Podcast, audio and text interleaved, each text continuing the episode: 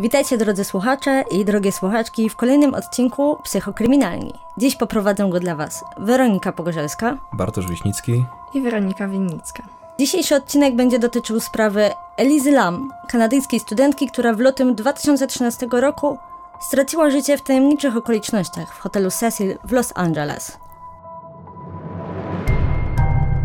Eliza urodziła się 30 kwietnia 1991 roku jako córka hongkońskich imigrantów. Jej rodzice należeli do stanowczych i z tego też powodu dziewczynie niełatwo było zapewne przekonać ich do tego, by pozwolili jej wybrać się na samotną wycieczkę do Kalifornii. Otrzymała od nich zgodę pod jednym warunkiem, że będzie telefonować każdego dnia, dając im znać, że jest cała i zdrowa.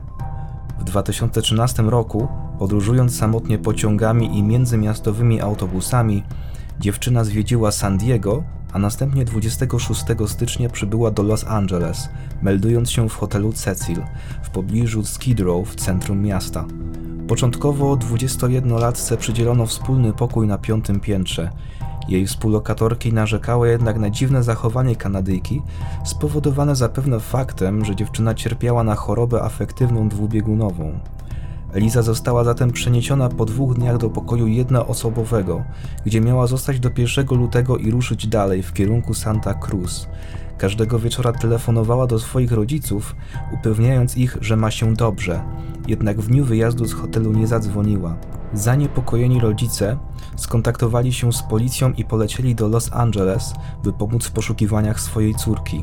Służby i psy tropiące przeszukały hotel, jednak dziewczyny nie odnaleziono. Po prawie dwóch tygodniach sprawa wciąż pozostawała pod znakiem zapytania, ale niedługo miał nastąpić przełom.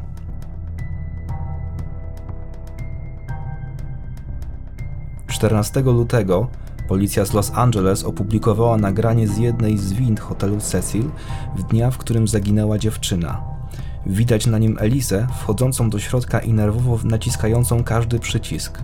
Drzwi jednak nie zamykają się, a zaginiona sprawia wrażenie przerażonej. Chowa się w kącie windy lub wygląda z niej wychodząc czasem na korytarz. Nagranie to stało się światową sensacją i było szeroko analizowane i dyskutowane. Nie zmieniało jednak faktu, że Eliza Lam zniknęła bez śladu tym samym czasie goście hotelu Cecil zaczęli skarżyć się na niskie ciśnienie wody, która ponoć miała czarny kolor oraz nietypowy zapach i smak. Niedługo później konserwator znalazł ciało Elisy w jednym z czterech zbiorników mieszczących się na dachu. Kobieta była naga, a jej ubrania unosiły się na powierzchni wody. Śmierć Elisy uznano oficjalnie za przypadkowe utonięcie, wskazując na zaburzenie, z jakim się zmagała chorobę afektywną dwubiegunową.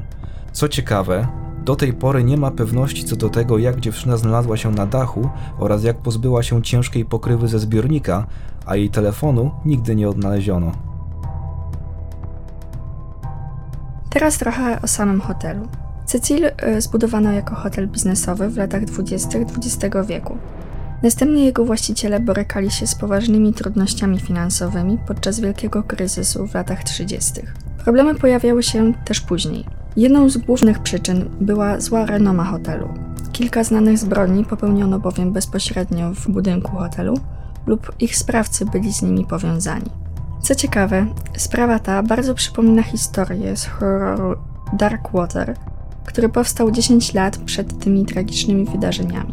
W filmach główne bohaterki odkrywają kopiącą z sufitu swojego mieszkania wodę. Z czasem dowiadują się, że zalane mieszkanie nad nimi należy do rodziny, która zginęła w niewyjaśnionych okolicznościach.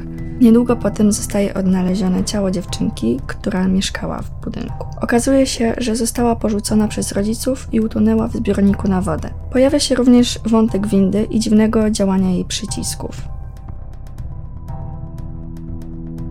Na dziś to tyle. Mamy nadzieję, że spodobał Wam się odcinek i zachęcamy do dalszego słuchania naszego podcastu. Do usłyszenia w kolejnym odcinku Psychokryminalni.